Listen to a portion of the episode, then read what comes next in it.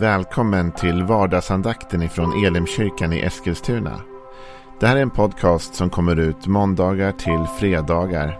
Om du vill veta mer om vilka vi är, vad vi tror på, hur du kan komma i kontakt med oss eller vad vi kan erbjuda dig för någonting så gå in på www.elimkyrkan.com. Du får jättegärna gå in och likea vår Facebook-sida. Det är facebook.com elimeskilstuna. Eller så söker du upp oss på YouTube och då söker du på Elimkyrkan Eskilstuna. Vi vill jättegärna komma i kontakt med dig. Men nu lyssnar vi till dagens andakt. Välkommen till en ny termin med vardagsandakten. Och inte bara en ny termin utan ett nytt år. Vi har ju haft en lite längre paus. Vilket berodde på att vi då i Elimkyrkan hade en adventskalender som låg under december månad. Och vi hade den på YouTube med kortare andakter där. Så i och med det så valde vi att pausa från vardagsandakten. Sen var det lite slött i början av januari som det ofta är. Och sen så kom en ekumenisk bönevecka. Och sen nu är vi framme vid starten av vardagsandakten. Men nu är vi tillbaka. Som du hörde i introt så är det fem dagar i veckan. Måndag till fredag. Skillnaden i år kanske är att vi kommer hålla dem lite kortare möjligtvis än förra året. Vi siktade på en kvart per dag sist och nu får vi se om vi ligger mellan 5 och 10 minuter eller vad vi gör. Men vi har inga fastsatta tider. Det är inte så att det är på en klocka. Utan vi kör väl så långt vi känner att vi måste varje dag. Eller vill. Och jag är ju pratglad så det kan ju dra iväg. Jag heter för övrigt Joel Backman och är pastor i Elimkyrkan. Om du inte har lyssnat till vår andakt eller vår podd förut. Vi har också läst igenom mycket salmer. Och vi ska börja året så med några av saltarsalmerna. Och man kan fundera på varför. Varför går vi igenom saltarsalmer? Jo, det handlar väldigt mycket om att de här salmerna, de hanterar väldigt mycket av vardag.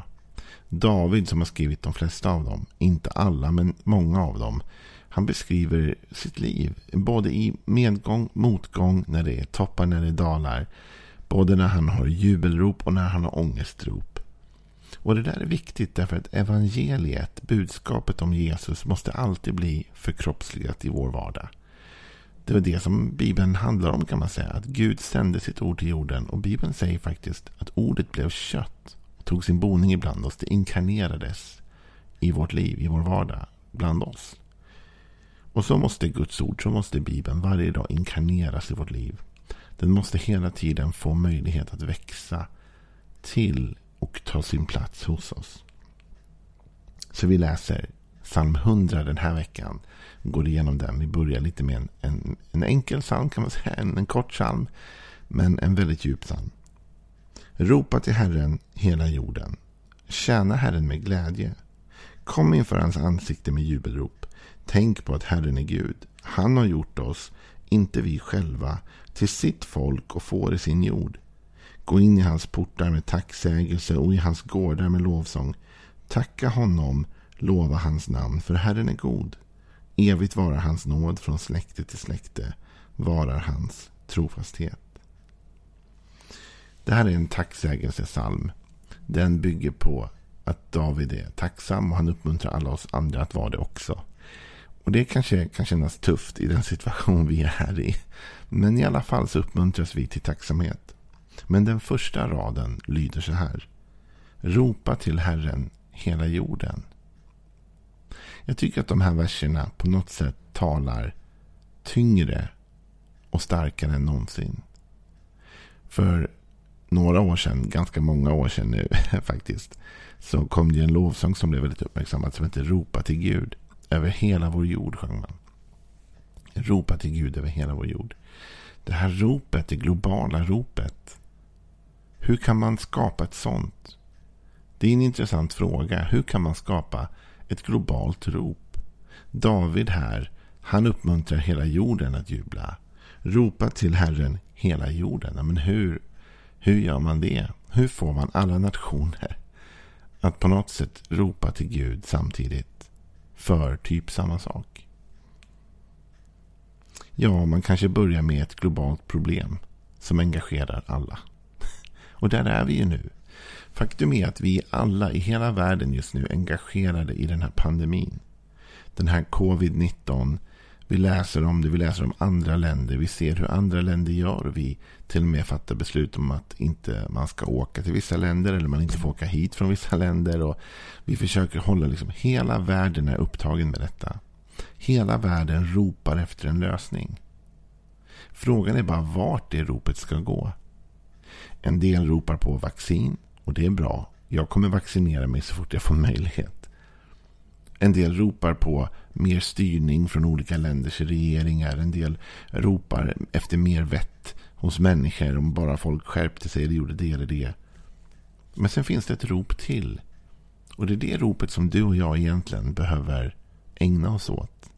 Ja, vi behöver ägna oss åt andra också, men det här ropet är ett rop bortom bara mänsklig förmåga och kapacitet. Det är ett rop till Gud själv. Det här året har väl visat oss mer än något kanske hur lite vi människor ändå tycks kunna kontrollera av vår egen vardag. Hur mycket som vi inte har makt över.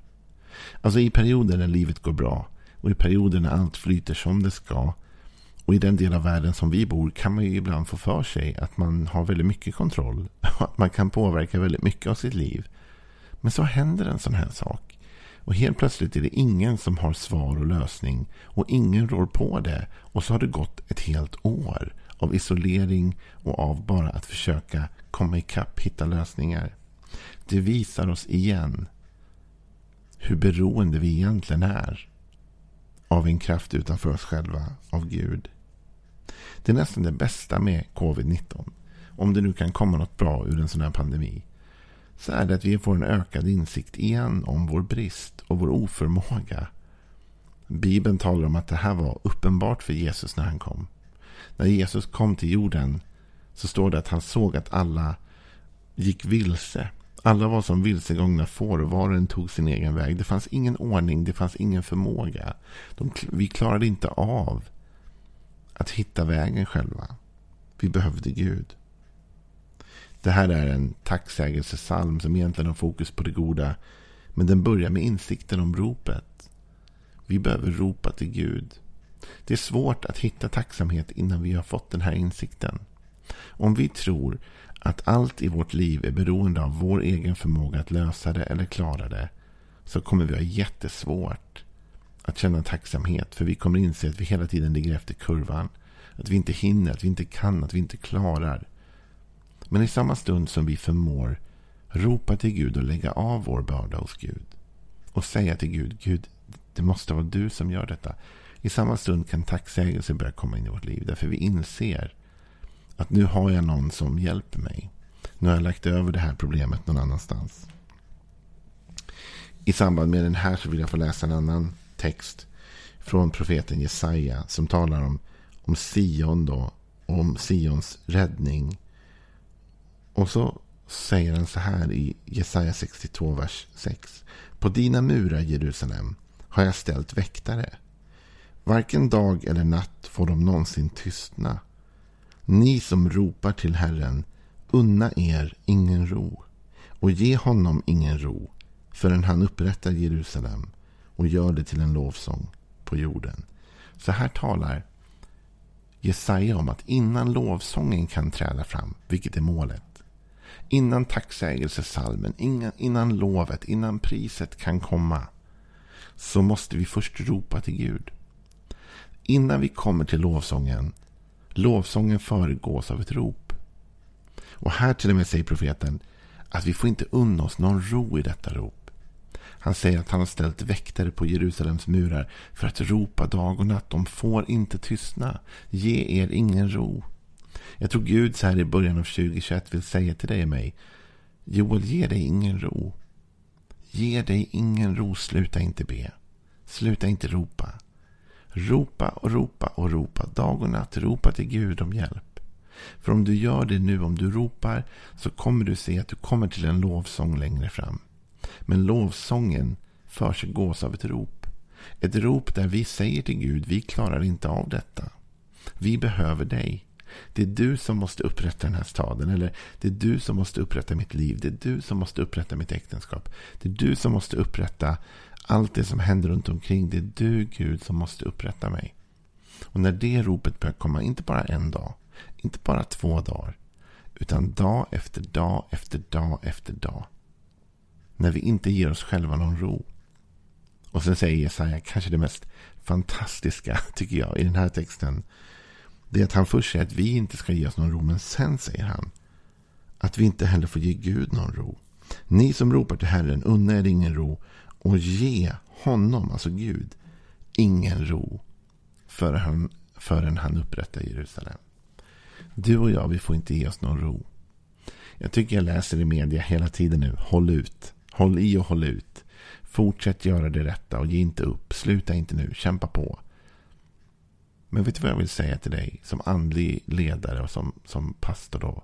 Så skulle jag vilja ge dig denna andliga uppmaning. Håll i och håll ut. Ge inte upp. Ropa och ge Gud ingen ro. Ge Gud ingen ro förrän han upprättat dig. Ge Gud ingen ro förrän han har fått ett botemedel mot covid. Ge Gud ingen ro förrän han har upprättat din, ditt äktenskap. Ge Gud ingen ro förrän han har upprättat din ekonomi. Ge Gud ingen ro förrän han har helat dig. Ge Gud ingen ro förrän du ser ditt genombrott som du behöver. Ge Gud ingen ro. Dag och natt, morgon, kväll. Gör det vi när du vaknar. Gör det vid frukosten. Gör det vid första fikat på dagen. Gör det vid lunchen. Gör det vid middagen. Gör det innan du lägger dig. Påminn Gud om. Gud, du vet att jag väntar på att du ska upprätta mig. Gud, du måste hjälpa mig. Låt ditt rop bli ett rop dygnet runt. Ställ dig som en väktare på muren av ditt liv. Och bestäm dig för att du ska stå där och ropa. Nej, du kan inte lösa det. Du kommer säkert inte hitta lösningen själv. Du är inte stark nog att reda ut ditt liv. Men din uppgift är inte att vara stark nog att reda ut det. Och din uppgift är inte att lösa det. Din uppgift är att ropa till Gud. Din och min uppgift är att höja ett rop till Gud över hela världen. Ett rop om hjälp.